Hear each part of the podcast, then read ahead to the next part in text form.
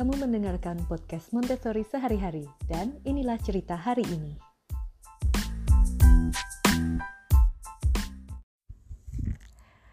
Halo, hari ini aku ada cerita tentang kenapa aku memutuskan untuk memakai metode Montessori atau filosofi Montessori sebagai parenting style aku dalam mendampingi tumbuh kembang embun. Tapi sebelumnya aku mau kenalan dulu kali ya, siapa tahu ada yang belum terlalu kenal uh, Damar itu siapa? Oke, namaku Damar. Aku adalah stay at home mom, seorang ibu biasa dengan anak berusia 2 tahun, perempuan. Um, selama ini aku hanya belajar secara otodidak, uh, baca-baca dari buku-buku dan blog dan sumber-sumber lainnya tentang Montessori dan aku praktekin. Tapi terus di tengah jalan aku merasa sangat jatuh cinta dan uh, aku merasa Montessori itu terlalu bagus dan terlalu bermanfaat untuk disimpan sendiri dan aku harus share ini. Jadi aku memutuskan untuk mencari ilmu lebih banyak lagi dengan uh, mengambil diploma program diploma Montessori biar nantinya aku bisa dapat sertifikasi untuk tidak hanya mengajar anakku sendiri tapi juga mengajar anak-anak lain karena aku percaya anak-anak itu punya apa ya punya hak untuk belajar sesuai dengan uh, pace-nya masing-masing sesuai dengan apa ya potensinya sendiri gitu. Oke, okay. uh, eh, saat ini aku sering sharing tentang Montessori parenting atau Montessori sehari-hari di Instagramku @damarwijayanti. Silahkan di follow kalau yang belum follow. Nanti di situ akan banyak cerita juga dan uh, ada contoh-contoh kasus bagaimana cara aku me mendampingi tumbuh kembang embun setiap harinya dengan interpretasi interpretasiku akan filosofi Montessori gitu. Oke, okay. hmm, itu dia perkenalannya. Semoga hmm, kita bisa jadi teman buat sharing-sharing tentang parenting ya.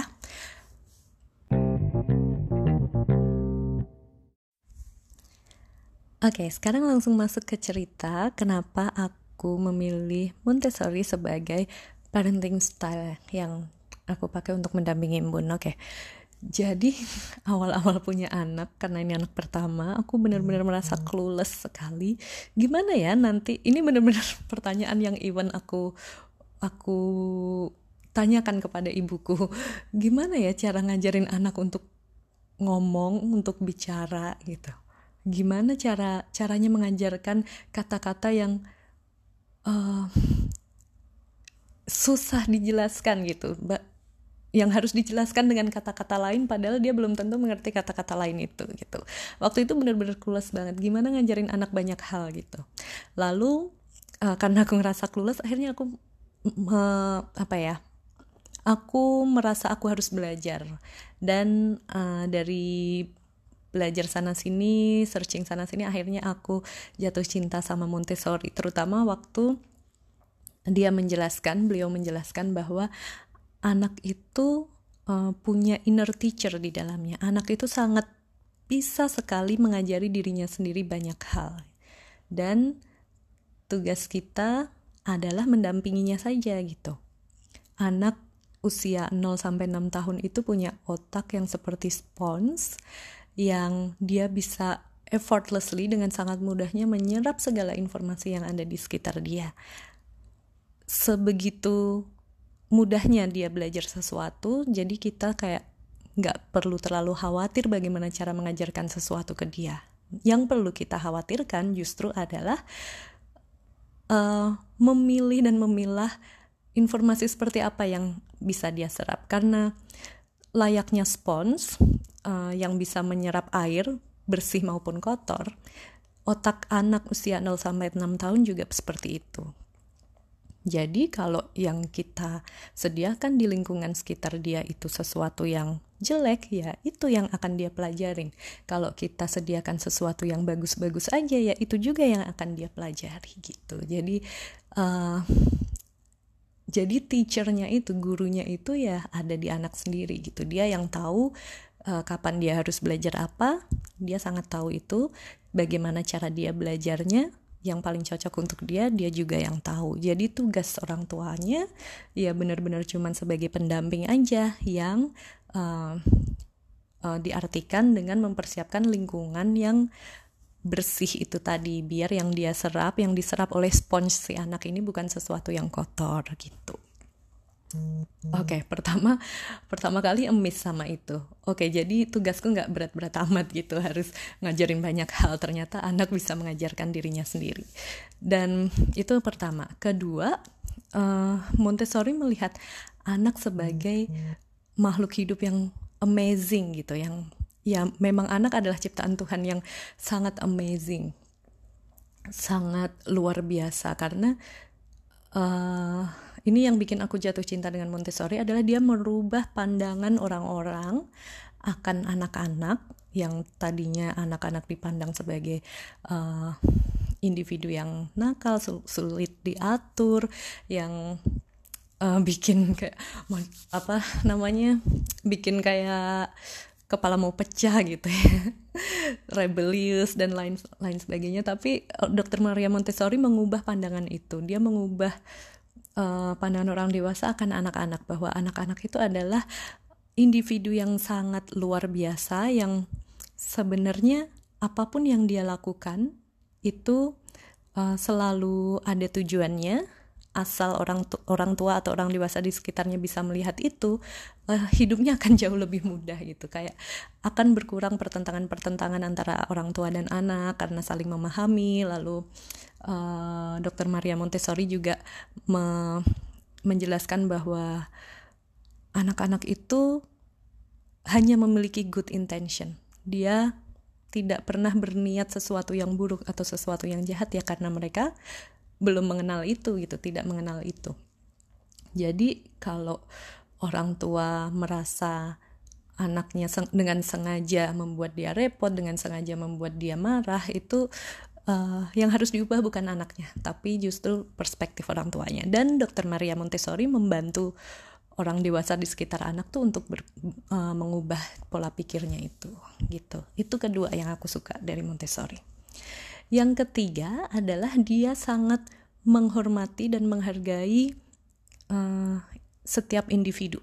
Jadi Dr. Maria Montessori itu sangat menghargai bahwa anak-anak itu punya timelinenya sendiri, anak-anak punya pace-nya sendiri, anak-anak punya kemampuan belajar masing-masing, dan anak-anak itu punya potensi yang berbeda-beda pula. Setiap anak itu unik dan Dr. Maria Montessori itu benar-benar menghormati itu gitu bahwa setiap anak unik.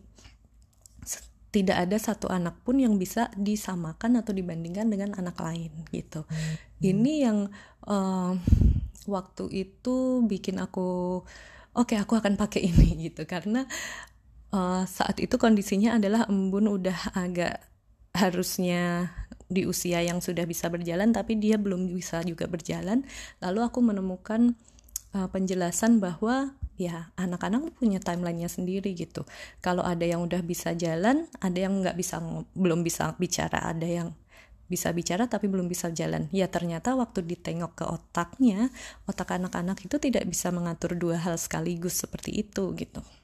Kalau dia memutuskan untuk belajar berjalan dulu, otomatis uh, kemampuan dia belajar bahasa akan ditekan dulu sama ot sama otaknya. Karena otaknya akan berfokus pada cara berjalan dulu kayak gitu. Dan penjelasan-penjelasan ilmiah semacam ini tuh sangat sangat uh, membuka mata banget sih buat aku dan jadi melihat oh anak tuh seperti itu gitu. Nggak seperti yang aku pikirkan selama ini gitu. Itu uh, penjelasan-penjelasan ilmiah semacam itu yang membantuku juga untuk menghormati embun sebagai individu yang unik sebagai individu yang uh, berbeda dari anak-anak lain dan dia juga memiliki potensi yang berbeda juga sehingga uh, pendekatanku juga tidak bisa disamaratakan dengan uh, cara pendekatan ke anak lain gitu dan uh, Dr. Maria Montessori memberikan apa ya cara yang cara yang gitu. Jadi metodenya dokter Maria Montessori itu meskipun sama nih uh, aku dan misalnya ada temanku Mbak Putri dia menerapkan Montessori parenting juga. Kita sama-sama memakai metode itu tapi approach ke anaknya bisa berbeda gitu. Jadi prinsip-prinsip yang dipakai sama tapi cara pendekatan ke anaknya bisa berbeda karena benar-benar uh, prakteknya disesuaikan dengan kebutuhan dan uh, kondisi si anak gitu makanya itu yang bikin aku suka banget hmm. lalu yang terakhir adalah karena Montessori itu dia melihat anak itu berkembang secara holistik. Jadi uh, dia nyebutnya pulse of development. Anak itu anak itu punya uh, lima area perkembangan. Ada uh, fisik, lalu bahasa, kognitif, mental dan sosial. Nah, kalau uh, filosofi Montessori ini, metode yang dipakai Dr. Maria Montessori ini itu menyentuh ke lima area itu. Jadi um, jadi anak-anak yang dididik dengan metode Montessori itu selain pin selain nantinya diharapkan untuk jadi anak yang pintar, dia juga dibantu untuk menjadi anak yang pintar secara emosional, pintar secara sosial, sehat secara fisik dan lain sebagainya. Jadi pokoknya kelima, area itu tuh tercover semua. Uh, ini menjawab kekhawatiranku juga karena makin ke sini makin banyak anak yang sudah terdeteksi memiliki uh, gangguan mental itu sempat menjadi concernku juga. Uh, banyak anak-anak pintar tapi uh, gampang banget frustasi atau gampang banget uh, down saat menghadapi sesuatu yang di luar uh, ekspektasi dia. Dan aku pengennya uh, anakku nanti tidak hanya pintar tapi dia juga bahagia gitu. Um, karena waktu kalau menurut aku pribadi waktu seseorang itu merasa bahagia dia ngerasa cukup dengan hidupnya gitu nggak yang ngerasa kekurangan terus nggak ngerasa kosong nggak ngerasa hampa jadi um, menumbuhkan anak yang bahagia itu cukup penting buat aku dan uh, janji dokter Maria Montessori yang menyentuh kelima area tersebut termasuk kesehatan mental itu uh, berhasil mengambil hatiku gitu. Oke, jadi itu alasan-alasan kenapa aku menyukai Montessori dan akhirnya memutuskan untuk mengadap mengadaptasi filosofi dan metodenya ke dalam parenting style aku. Oke, um, habis ini aku akan menjawab satu pertanyaan yang lumayan seru. Gimana caranya meracuni orang orang-orang di sekitar, terutama support system, uh, agar setuju dengan pilihanku ini?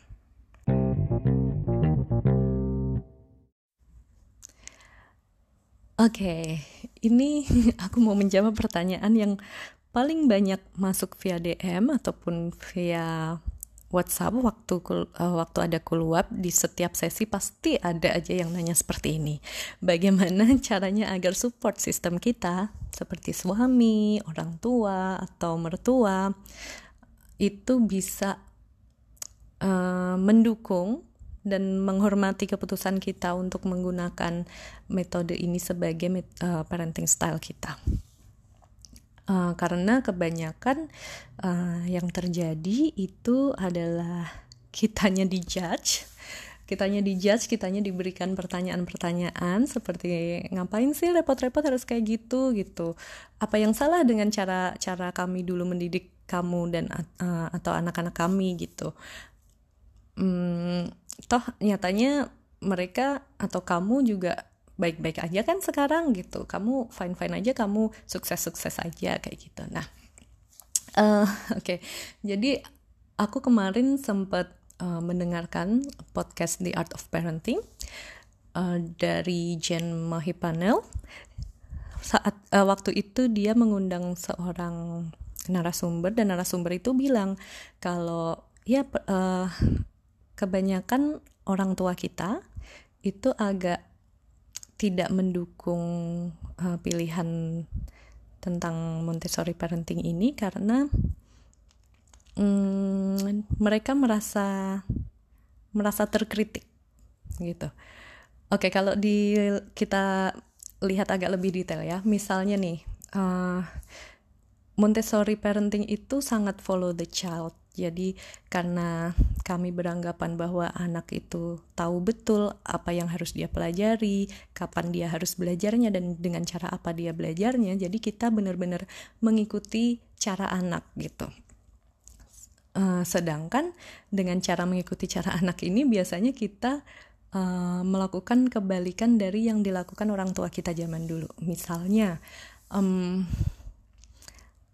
anak masukin tangan ke mulut kalau zaman dulu tangannya langsung dipegangin atau tangannya dikasih sesuatu yang pahit biar dia nggak masukin tangan ke mulut lagi tapi kalau di Montessori kita melihat bahwa uh, anak usia di bawah satu tahun itu masih di fase oral di mana mulut adalah pemberi informasi pertama untuk otak.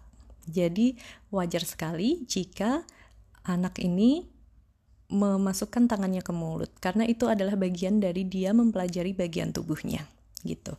Uh, saat anak memasukkan jari tangan ke mulut, dia belajar bahwa uh, oh seperti ini bentuk tangan oh tangan itu ada jari-jarinya um, oh tangan itu bisa aku gerakkan ke sana kemari dan kalau aku perintahkan dia untuk masuk ke mulut dia akan masuk ke mulut gitu hal eh, hal-hal seperti ini tuh yang kalau kita membolehkan anak untuk memasukkan tangan ke mulut lalu orang tua kita melarang terus akhirnya jadi pertentangan terus akhirnya yang dirasakan oleh orang tua kita adalah kita selalu mengkritik apa yang uh, dia lakukan dulu terhadap kita. Dia ngerasa mungkin yang dirasakan orang tua adalah hmm, aku dikritik oleh anak yang aku, sangat sayangi gitu. Uh, meskipun kita maksudnya tidak bilang begitu, tapi itu yang ditangkap orang tua biasanya bahwa caraku mendidik caraku mendidik anakku salah, anakku merasa tidak puas dengan apa yang uh, selama ini aku lakukan untuk dia dan dia merasa ada sesuatu yang salah pada dirinya dan akhirnya dia tidak mau melakukan itu untuk anaknya. Itu yang ditangkap orang tua sehingga sering kali terjadi uh, agak sedikit cekcok atau keributan gitu. Uh,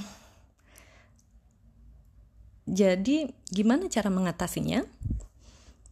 Cara mengatasinya adalah dengan Oke, ada beberapa tips. Pertama, kita ajak ngobrol dulu.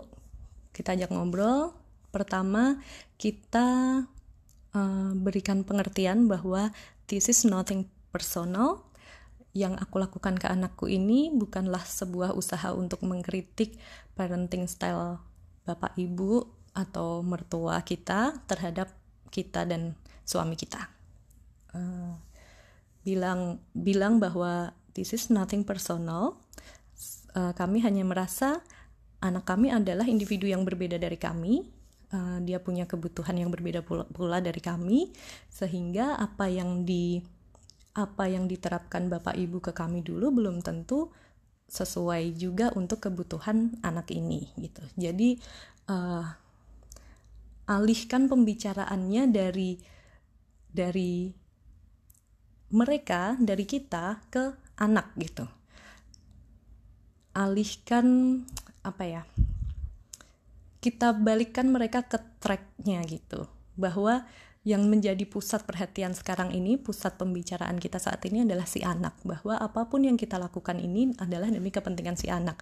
Bukan tidak ada tujuan lain seperti misalnya mengkritik orang tua kita atau uh, tidak ada agenda-agenda lain seperti sebuah protes bahwa aku merasa aku merasa kok aku gedenya kayak gini dulu kecilnya kamu kamu apain nggak ada kayak gitu sama sekali gitu kita kembalikan uh, konteksnya kembali men menuju senternya si anak gitu bahwa ini pure murni adalah demi anak gitu kalau semuanya sudah pembicaraannya sudah kembali ke anak baru kita uh, bisa uh, ngobrolin tentang tujuan pendidikan secara bersama-sama gitu.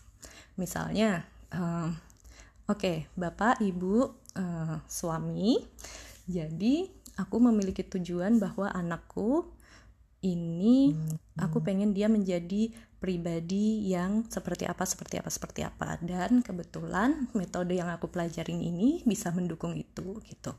Mungkin uh, bapak atau ibu tidak bisa uh, dengan serta merta langsung setuju dengan itu nggak apa-apa it's okay itu sebuah proses.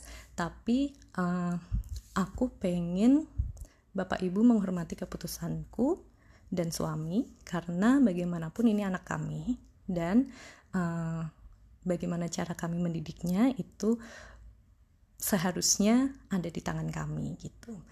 Bukan berarti kami kami tidak mendengarkan nasihat-nasihat dari bapak ibu. Kami mengambilnya kami kami mempertimbangkannya tapi lagi-lagi setelah melihat kebutuhan si anak dan tipe si anak ini seperti apa kami merasa uh, yang kami pilih sekarang ini adalah yang paling cocok untuk dia kayak gitu.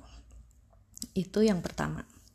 Yang kedua kalau misalnya harga diri orang tua kita masih terluka kita bisa um, ajak ngobrol lagi dan bilang terima kasih Kenapa bilang terima kasih? Karena uh, mereka sudah mendidik kita untuk menjadi pribadi yang um, tidak mudah puas dengan sesuatu. Uh, maksudnya begini, ini dalam artian baik ya. Mereka mendidik kita menjadi pribadi yang strive for the best, yang selalu um, mencari hal yang terbaik bahkan untuk anak kita gitu. Um, dan uh, kita bilang terima kasih karena Bapak Ibu dulu sudah melakukan yang terbaik bagi saya untuk aku. Um, dengan segala keterbatasan informasi yang bisa diambil saat itu yang bisa didapatkan waktu itu aku yakin yang Bapak Ibu lakukan ke aku itu adalah yang terbaik di saat itu. Dan alhamdulillah sekarang uh, aku sudah bisa mendapatkan akses yang jauh akses informasi yang jauh lebih banyak daripada zamannya bapak ibu. Aku bisa belajar dari mana-mana aku bisa belajar mengenai hal-hal baru tentang parenting. Dan seperti bapak ibu aku juga ingin uh, melakukan yang terbaik untuk anakku. Jadi uh, terima kasih karena Bapak Ibu sudah mengajarkan aku untuk uh, menjadi orang tua yang selalu melakukan yang terbaik untuk anaknya. Dan ini memilih metode ini adalah uh, suatu usaha untukku uh, memberikan yang terbaik untuk anak ini gitu. Um, ini ada sedikit cerita juga ya. Dulunya ibuku itu aku beneran uh, mengucapkan terima kasih ke ibuku gitu. Karena dulunya ibuku itu uh, aku dulu anak agensi yang kerja sampai pagi. Lalu uh, ibu bilang kamu nggak mau cari kerjaan lain gitu yang kayak jam 5 udah nyampe rumah jam 3 udah nyampe rumah biar bisa ketemu anak gitu. Ntar kalau punya anak kasihan anaknya gitu. Terus waktu itu waktu masih muda masih pengen ngejar karir waktu itu kayak mm, enggak gitu kayak kayak uh, kayaknya aku nggak bisa dilama-lama sama anak kayak gitu. Terus akhirnya pas punya anak aku langsung uh, merasa aku ingin mendampinginya gitu. Aku nggak mau balik kerja lagi dan uh, alhamdulillah suami juga setuju.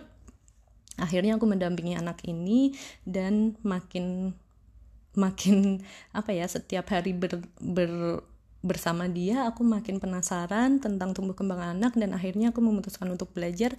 Dan uh, aku tahu waktu aku ngasih tahu ibu ibu uh, pasti ngerasa seneng banget karena karena wow anak yang tadinya nggak bisa dibilangin suruh cari kerjaan yang yang balance antara hidup dan kerjaan gitu. Sekarang justru malah uh, memberikan extra effort gitu untuk anaknya kayak gitu. Dan aku benar-benar berterima kasih sama dia karena um, ya meskipun waktu itu uh, sarannya belum masuk ke aku tapi pas uh, akhirnya aku dihadapkan dengan hal ini aku langsung inget gitu apa yang dia utarakan ke aku gitu. Dan itu menjadi salah satu penyemangat aku juga dalam uh, belajar tentang parenting gitu. Dan uh, dengan bilang terima kasih karena apa pun yang aku lakukan sekarang ini tidak lepas dari usaha uh, bapak ibu dulu waktu mendidik aku. Dan uh, itu orang tua jadi merasa dihargai bahwa tidak ada sesuatu yang salah dengan apa yang dia lakukan dulu. Dan bahwa uh, yang terjadi bukan bukanlah dia salah dan kita benar karena dia uh, cara dia tidak kita pakai lagi. Tapi yang terjadi adalah um, adanya perubahan informasi adanya perubahan ilmu pengetahuan dan uh,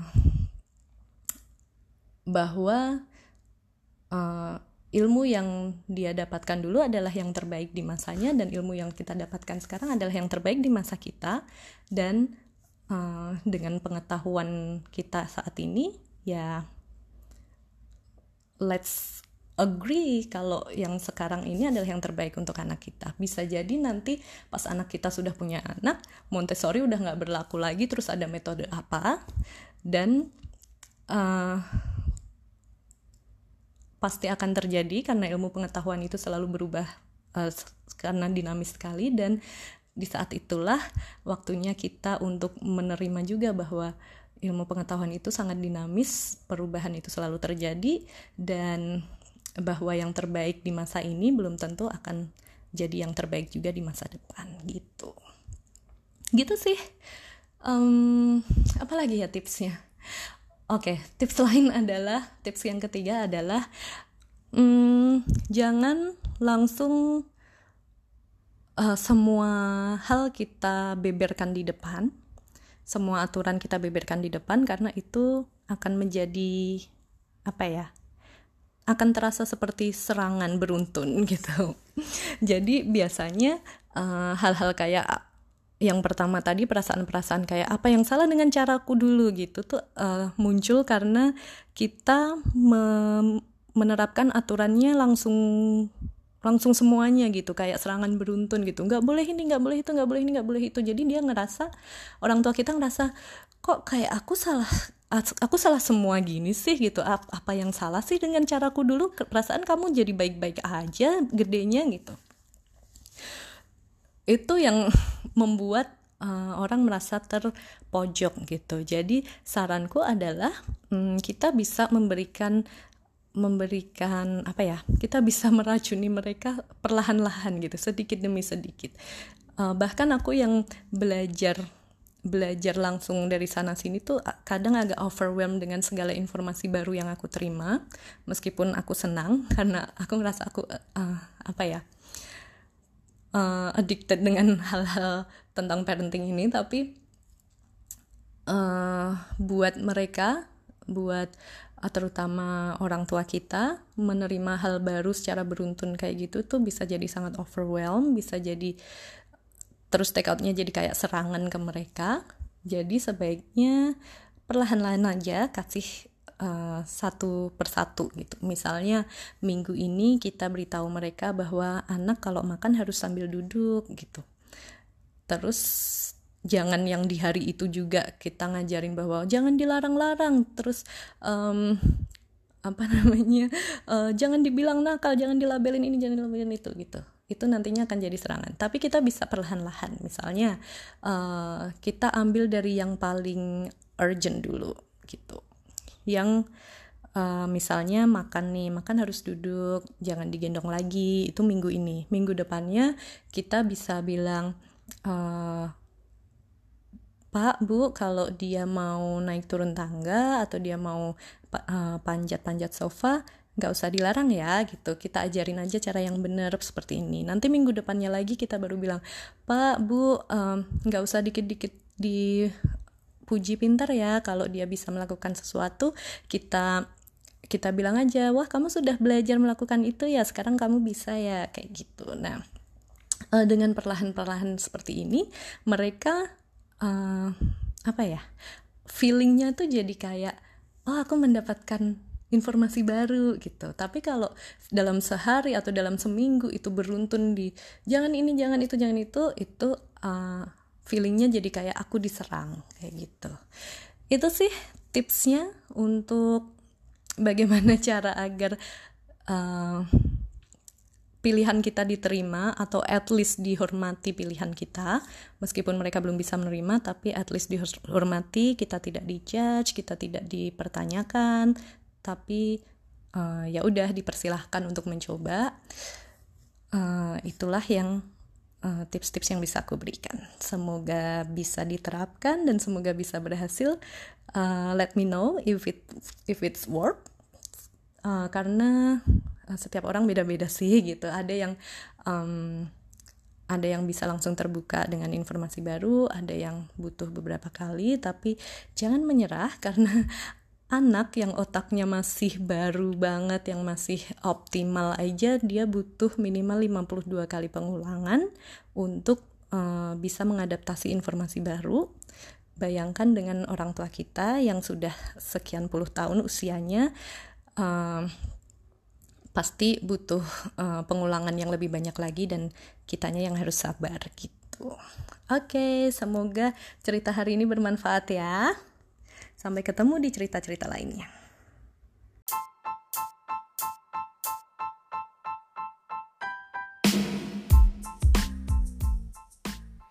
Hai, terima kasih sudah mendengarkan podcast Montessori sehari-hari. Sampai ketemu di cerita sehari-hari yang lain.